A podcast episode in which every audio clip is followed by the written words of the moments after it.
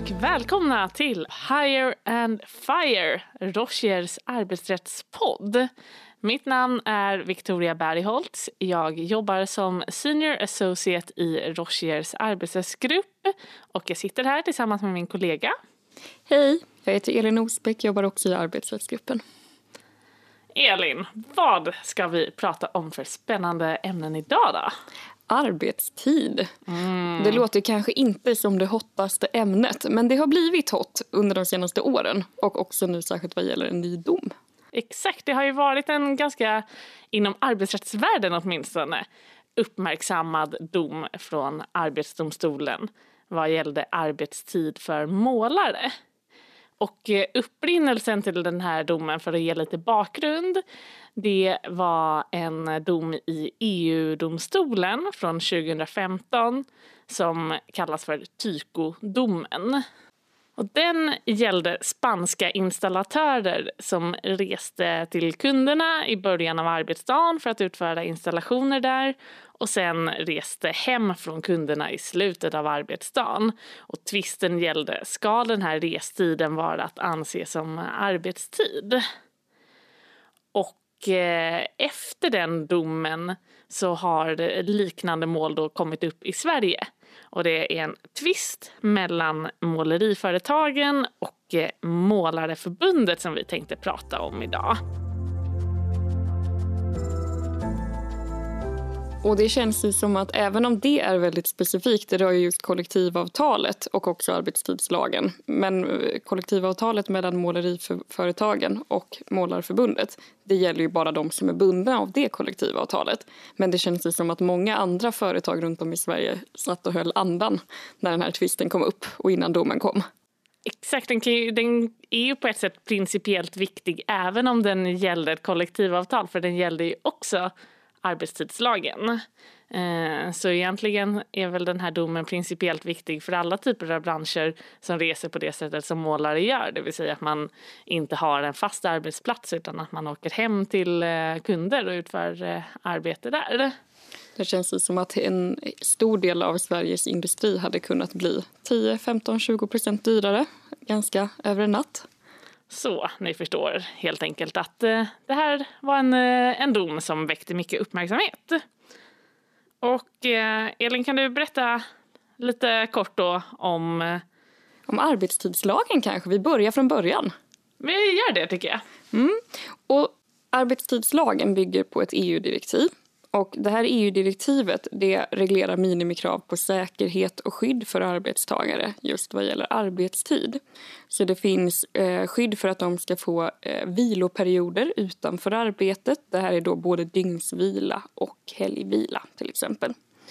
Mm. Och, eh, 11 timmar dygnsvila har man rätt till och eh, 36 timmar sammanhängande vila under veckan.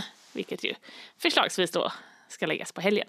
Mm. Och den innehåller då också två viktiga och spännande definitioner. Och Det ena är arbetstid och det andra är viloperiod. Och arbetstiden det är ju då all tid där man enligt nationell lagstiftning står till arbetsgivarens förfogande och utför arbetsuppgifter eller liknande aktiviteter. Och så finns det viloperioder. Och det här är ju då en negativ definition, så det är all period som inte är arbetstid. Så det finns ingen annan tid. Allt är antingen arbetstid eller vilotid. Precis, som du sa, det här direktivet är, är till för att skydda eh, arbetstagarnas säkerhet och hälsa. Så det här pratar vi mer om utifrån ett arbetsmiljöperspektiv. Det finns ju många kollektivavtal som ju faktiskt har eh, ja, men, eh, olika tider som är ett mellanting mellan arbetstid och vilotid. Eh, beredskapstid, jourtid och man har rätt till särskild ersättning under sån tid. Men här pratar vi om eh, arbetstidsdirektivet och arbetstidslagen och där är det arbetstid och vilotid som är relevant.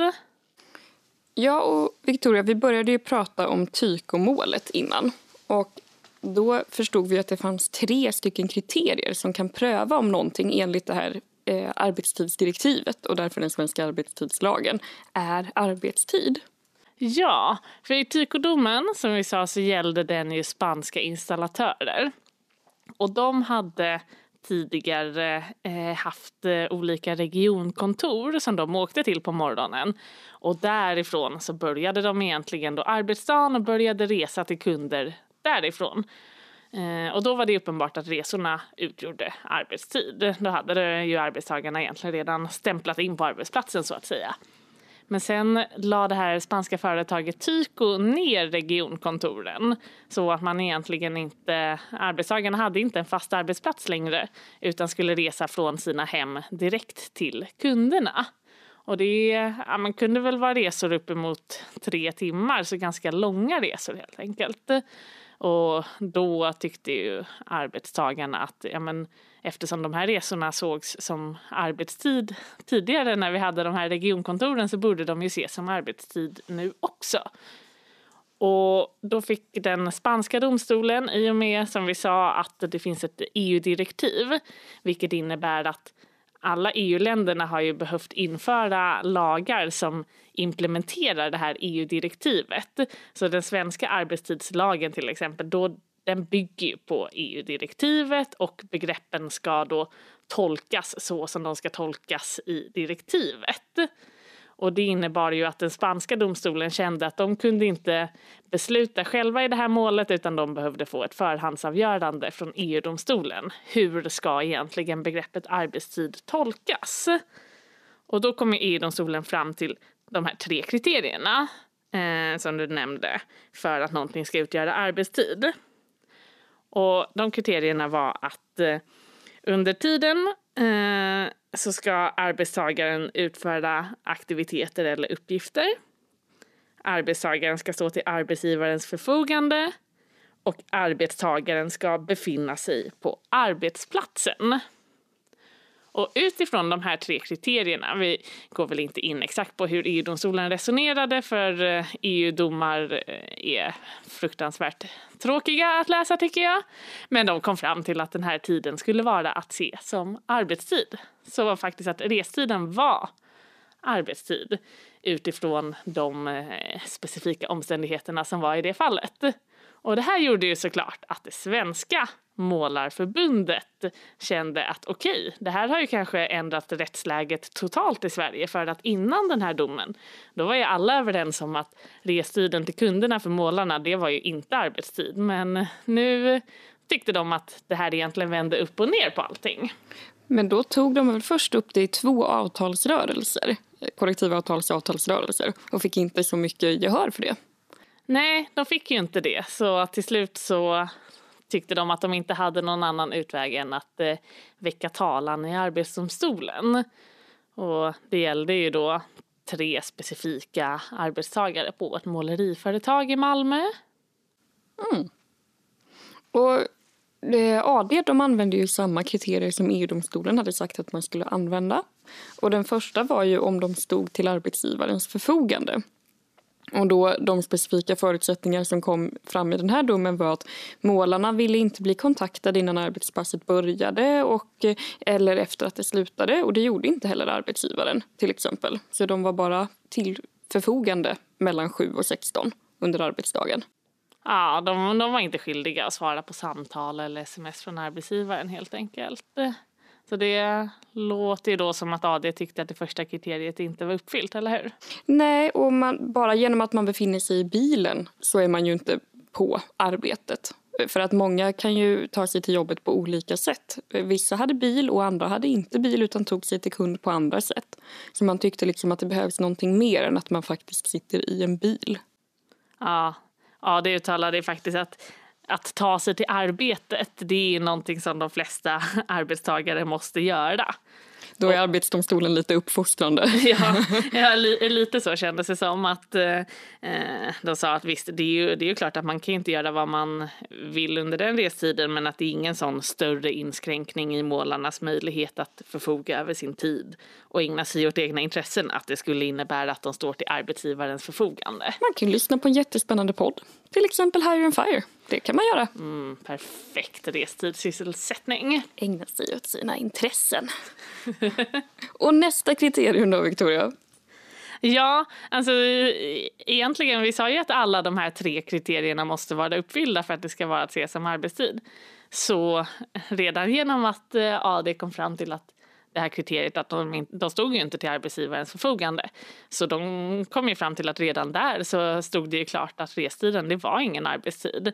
Men för skojs skull så gick Arbetsdomstolen ändå in på de andra kriterierna. Eller Tack, för skojs skull kanske för att vrida om kniven ytterligare i Målarförbundet. Då tittade de på kriterie nummer två, det vill säga om arbetstagarna eh, utförde aktiviteter och uppgifter under resan. Och här var det ju en viktig skillnad mot Tykomålet eftersom där hade det ju tidigare funnits regionkontor och där, då när det fanns de här regionkontoren så var det tydligt att det ingick i arbetsuppgifterna att resa med bil mellan kontoret och kunderna. Och att bara för att kontoren togs bort så skulle inte det ändras. Men eh, här i det svenska målet så hade det inte funnits den typen av kontor som man skulle stämpla in på morgonen. Och ja, det kom fram till att eh, nej, målarna hade inte utfört några uppgifter eller aktiviteter under restiden till kunderna. Och det fanns ju inte ens något krav på att de skulle eh, transportera målarmaterialet hem eh, till sin bostad utan eh, de kunde åka förbi och hämta upp det i bolagets verkstad på morgonen. Så inte heller det kriteriet var uppfyllt. Aj, aj, aj. Och då till sista kriteriet. Eh, det var om arbetstagarna befinner sig på arbetsplatsen. Och det här är ju spännande när man inte har någon fast arbetsplats. Eh, och då tyckte EU-domstolen att man kan ju befinna sig på arbetsplatsen under restiden om man faktiskt utför arbetsuppgifter eller aktiviteter. Men i det här fallet eh, så resonerade Arbetsdomstolen att till skillnad från eh, de spanska arbetstagarna så utförde de här arbetstagarna inte aktiviteter eller uppgifter under resan och därför ansåg man inte heller att bilen var en arbetsplats. Så inget av de tre kriterierna för att det skulle anses vara arbetstid var uppfyllt. Så man kan ju säga att det var en eh, total slam dunk för arbetsgivarsidan i det här fallet. Eh, och Arbetsdomstolen la också till att syftet med arbetstidsdirektivet som ju den svenska arbetstidslagen då bygger på det är ju att skydda arbetstagarnas säkerhet och hälsa. Och det fanns ingenting i det här målet som talade för att målarna inte skulle ha fått den vilotid som de har rätt till enligt direktivet. Och de nämnde också då att, eh, att restiderna för de här målarna, de var inte på något sätt anmärkningsvärda utan tvärtom kortare än vad som är vanligt för många andra arbetstagare. Vi har ju pratat om innan eh, hur långt man också kan behöva pendla när man blir omplacerad geografiskt. Ja, exakt. Det där är intressant det du tar upp. Eh, för att en, en sak man kan ju tänka sig är svår för eh, ja, målare och den typen av kunder det är ju oförutsebarheten. Man vet inte. Ena dagen så har man tio minuter till arbetsplatsen. Nästa dag kan det vara en timme. Och det skiljer sig ju såklart från andra yrkeskategorier. Men alla kan ju faktiskt få sina arbetsplatser flyttade. Eh, så att eh, bara för att jag i nuläget kan cykla hit till Rocher på tio minuter så innebär ju inte det att det kommer vara så om ett år.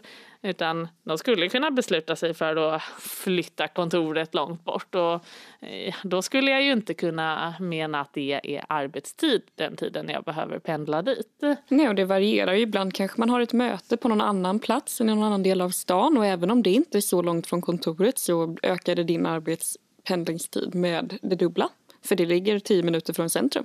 Mm, verkligen. Så det är ju ja, men ett svårt argument att, att föra såklart i, i den här typen av situation när det ändå rör sig om rimliga pendlingsavstånd. Eh, det är klart att det, det, skulle kunna vara en helt annan situation om man skulle kunna, som i det spanska målet, där behövde de ju resa upp till tre timmar. Och det är ju klart att om man ska göra det, det kan ju bli sex timmars restid på en dag. Det kanske inte är lika rimligt att man ska behöva lägga det utöver de åtta timmarna man jobbar. Och det är viktigt att man skiljer på arbetsmiljöfrågan och ersättningsfrågan. Att man kan ju kunna få ersättning för restid, vilket är en annan sak än att det ska vara arbetstid enligt arbetstidslagen. Ja. Det fick ju de till exempel då enligt det här eh, målaravtalet, fick de ju restidsersättning.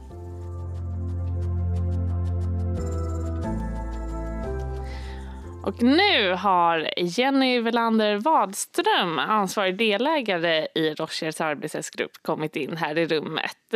Så vi tänkte passa på att prata lite arbetstid med Jenny. Hej Jenny! Hej! Hur är läget? Det är bara bra.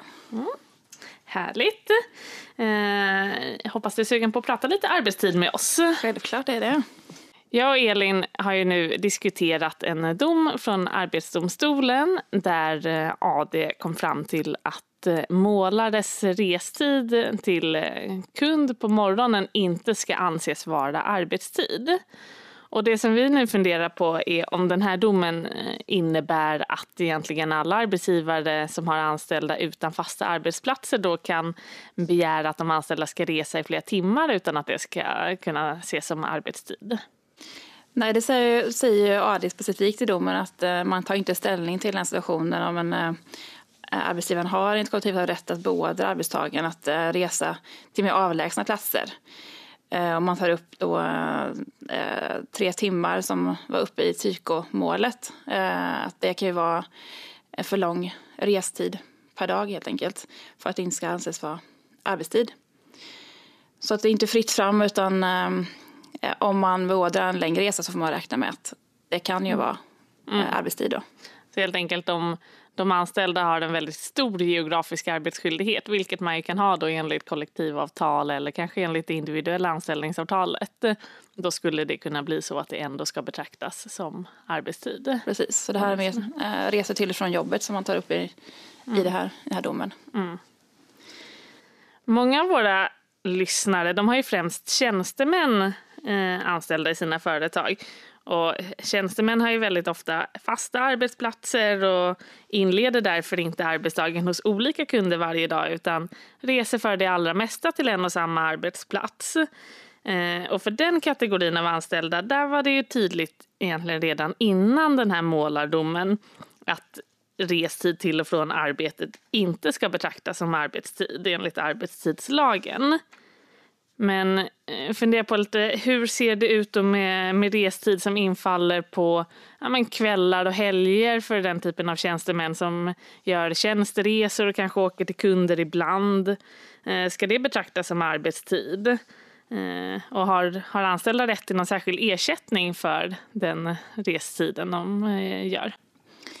Nej, men enligt, om man tar kollektivavtal så är det som inte arbetstid, då har man ju inte rätt till ersättning då, utan då är det fritid.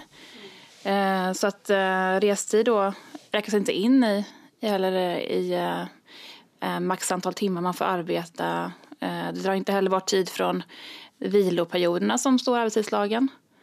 Mm. Utan det anses ju vara fritid då när man gör de resorna. Ja, så det är egentligen även om en, en tjänsteman jobbar väldigt sent en kväll och ska vara hos kund ganska tidigt i morgonen efter och har eh, ja, två, tre timmars restid till den kunden Eh, det kommer ju i vissa fall innebära att han inte får den här 11 timmars dygnsvila.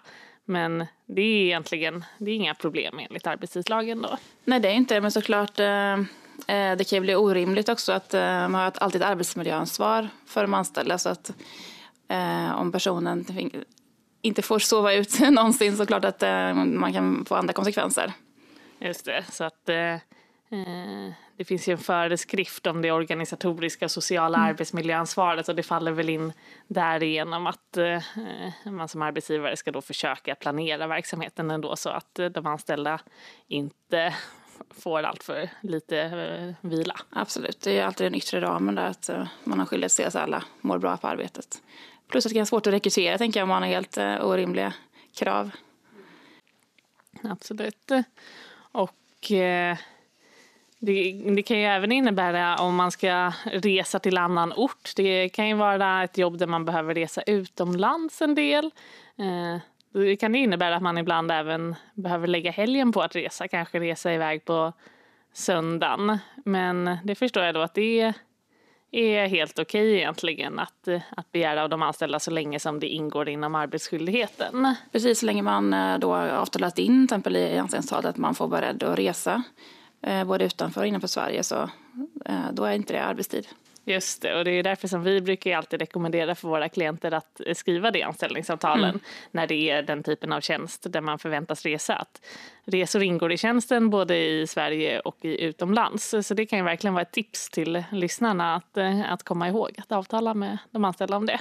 Precis, så det gäller först att ha rätten att kräva resor i den omfattning som man, som man vill och det kan man få på olika sätt då. Ja, genom kollektivavtal eller anställningstalet. Ja, exakt. Och sen är frågan vad den tiden ska räknas som då. Mm.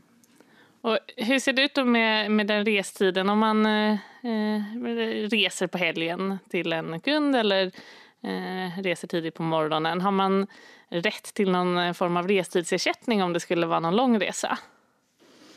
Inte enligt eh, om man tar kollektivavtal egentligen eh, har man inte det. Eh, men det är väl vanligt att man avtalar in det i policy och anställningsavtal att man har rätt eh, till någon slags kompensation. Eller man brukar i alla fall få ersatt eh, traktamente och så vidare, för, mer för utgifter i och för sig. Då, så att... Ja, det är sant. Ja, eh, det är väl i, i de allra flesta kollektivavtalen så finns det väl bestämmelser om restidsersättning. Däremot så mm, brukar det ofta gå att avtala bort restidsersättning mm på samma sätt som övertidsersättning. Mm. Eh, så för många tjänstemän så är det väl ganska så vanligt att man kommer överens om kanske 30 dagars semester och inte får någon restidsersättning utan mm. det är någonting som man förväntas eh, lägga tid på utan, utan någon specifik ersättning. Egentligen det ingår i den ersättningen man redan får. Precis arbetstid är ju verkligen i ropet nu och jag tänker att det beror mycket på den här nya typen av gränslöst arbete där många anställda kan arbeta vad de vill och man förväntas vara tillgängliga utanför ordinarie arbetstid. Mm. Och där har ju en hel del EU-länder infört krav på att anställda inte ska ha tillgång till sina mejlprogram utanför arbetstid. Det kom ju en dom också förra året från EU-domstolen som har tolkats som att arbetsgivare måste registrera både övertid och ordinarie arbetstid. Hur tänker du om det? Hur ser vi på det i Sverige? Jag tycker det är en intressant utveckling nu som man kan se. Det har ju varit, har hänt väldigt mycket på det här området de senaste tio åren på grund av den digitala utvecklingen. Att man kan vara tillgänglig från var som helst egentligen och att man kanske jobbar också mer globalt. Man, har, man kanske är tvungen att vara tillgänglig på andra tider. För man kanske är en chef i ett annat land, i en annan tidszon och så vidare. Eh, samtidigt har vi ju sett att eh, eh, sjukskrivningarna ökar väldigt mycket just för tjänstemän. Så det finns ju... Eh, det måste liksom på något sätt eh, styras upp det här tror jag att eh, många lagstiftare börjar se. Eh, den här flexibiliteten har ju sina, sina konsekvenser för, för individerna. Ja, känslan är ju lite grann att arbetstidslagen kanske inte riktigt har hängt med i den utvecklingen som man jobbar i nuläget. För vi pratade ju om det tidigare att den utgår ifrån att all tid är antingen arbetstid eller fritid. Mm. Men så ser det ju inte ut för väldigt många utan att man förväntas ju kolla mejl och svara på lite telefonsamtal och eh, även utanför den, de ordinarie arbetstimmarna. Precis. Så det... Och det är väldigt svårt för arbetsgivaren att eh, kontrollera också hur mycket ja. personer arbetar då eh, när man är hela tiden tillgänglig. Så det var lite därför, tänker jag, som det här eh, kravet på att registrera arbetstid kommer nu då. Mm. För det känns som en tillbakagång till eh, stämpelklockan lite grann. Men samtidigt så ser vi att eh, vi måste liksom, eh, på något sätt så reglera upp det här området för det är så pass många som, som mår dåligt av att alltid vara tillgängliga också. Verkligen. Det känns som att det är två olika rörelser egentligen. Att, eh, I praktiken så går vi mot ett allt mer flexiblare eh, arbetsliv och flexibel arbetstid men att den här EU-domen eh, e den, eh, den är verkligen ett steg tillbaka mm. Eh, och går ju tvärt den rörelsen som arbetslivet i övrigt går mot faktiskt. Jag tror också många anställda uppskattar att jobba flexibelt ja. för det är så man får ihop sitt liv. Kanske när man har småbarn och så vidare att man då kan gå tidigare och sen jobba hemifrån på kvällen och så vidare. Så att det är inte bara positivt för de anställda heller att man ska då registrera all arbetstid. Då blir det mer att man är på kontoret kanske den tiden och sen när man då ledig som det var förr i tiden mer, även tjänstemän. Verkligen. Det finns ju många kollektivavtal där det är möjligt att avtala med de anställda om att de inte ska omfattas av reglerna om eh, övertid och eh, att eh, ja, registrera den ordinarie arbetstiden. Mm. Eh, och det eh, är ju många tjänstemän som eh, går med på sådana avtal och gärna vill göra det i utbyte mot ett flexiblare arbetsliv. Precis, så här vet vi inte riktigt var, vart vi hamnar i Sverige än så länge. För det här handlar om Spanien, den här domen. Och de har tydligen ett ganska likt system som Sverige i och för sig då. Eh, men vi vet ju inte om vi kommer behöva införa något krav i Sverige på grund av domen eh, på att registrera all arbetstid. Så vi inväntar lite där vad, vad Arbetsmiljöverket kommer komma fram till och kanske då lagstiftaren. Mm. Men i Finland har de ju redan gjort vissa moderniseringar av sin arbetstidslag. Eh, kan du berätta lite om de viktigaste förändringarna i den finska arbetstidslagen? Ja, det är rätt stor skillnad då mellan eh, lagstiftningstekniken kan man säga i Sverige och Finland. För i Sverige har vi mycket av de här skräddarsydda modellerna i kollektivavtal. Medan i Finland nu så har man reglerat upp olika modeller för hur man ska eh, arbeta just arbetstidsmässigt i, i lagen. Då. Och en stor skillnad är också att eh, man har rätt till ersättning i finska lagen. Det har vi ju inte i Sverige utan det är bara i kollektivavtal man kan ha skyldighet att hålla övertidsersättning. Man kanske tänker sig att det här att man har krav på ersättning är den verkliga regleringsverktyget för att få människor att minska sin övertid. Mm. Precis, men då har man lagt in lite nya modeller nu. Och I Sverige är det ju så att eh, man antingen faller innanför eller utanför lagen. Eh, de här personerna som har lite friare arbeten anser man ju faller utanför lagen. Och de omfattas inte alls av de här tidsgränserna som finns för vilotid och så vidare. Eh, men i Finland har man hittat på en eh, liten mellanmodell då för de som är lite självständiga. 50 av sin tid kan de bestämma över arbetsuppgifterna men 50 så eh, följer de arbetsgivarens direktiv eh, som kallas för extended flex time Eh, som, där man ingår avtal med de här personerna eh, om att, eh, hur det ska regleras då, deras arbetsdag och vilken ersättning de ska få för det. Ja, vad spännande. Det känns ju som att den typen av förändringar kanske kan bli aktuellt i Sverige. Ja, vi har ett väldigt brett undantag än så länge i Sverige, så tolkas det i alla fall, de som faller utanför lagen. Men vi är ju det sista nordiska landet som har kvar ett sånt brett undantag från arbetstidslagen, så att eh, det ligger väl i farans riktning, som man brukar säga att eh, det kommer bli förändring även här. Så att fler kommer att omfattas av arbetstidslagen. Ja, absolut. Arbetstid är verkligen i ropet eh, nu kan vi konstatera. Mm. Så uh, tack så mycket för uh, de svaren Jenny. Tack. Så om vi ska sammanfatta lite grann då Elin, vad vi har pratat om idag. Det står nu sen den senaste Arbetsdomstolen-domen klart att Eh, anställda som saknar en fast arbetsplats utan reser till olika kunder varje dag. Den tiden de lägger på resorna till första kunden och från sista kunden, den eh, tiden ska inte utgöra arbetstid. Och vi tror att det generellt, eftersom arbetstid är ett så aktuellt ämne just nu och på grund av eh, förändringar i andra länder och domar från EU-domstolen kommer att bli aktuellt med förändringar av hur vi ser på arbetstid och flexibilitet och rätt till ersättning. Verkligen. Det blir spännande att följa utvecklingen helt enkelt. Och med de orden så avslutar vi det här avsnittet av Hire and Fire. Som vanligt så får ni jättegärna höra av er till oss om ni har några frågor eller kommentarer. Mm, vi har en mejladress som är hireandfire.rocher.com och ni hittar även mina och Elins kontaktuppgifter på Rochers hemsida, rocher.com. Så vi hörs i nästa avsnitt. Ha det så bra så länge. Hej då! Hej då! Hej då!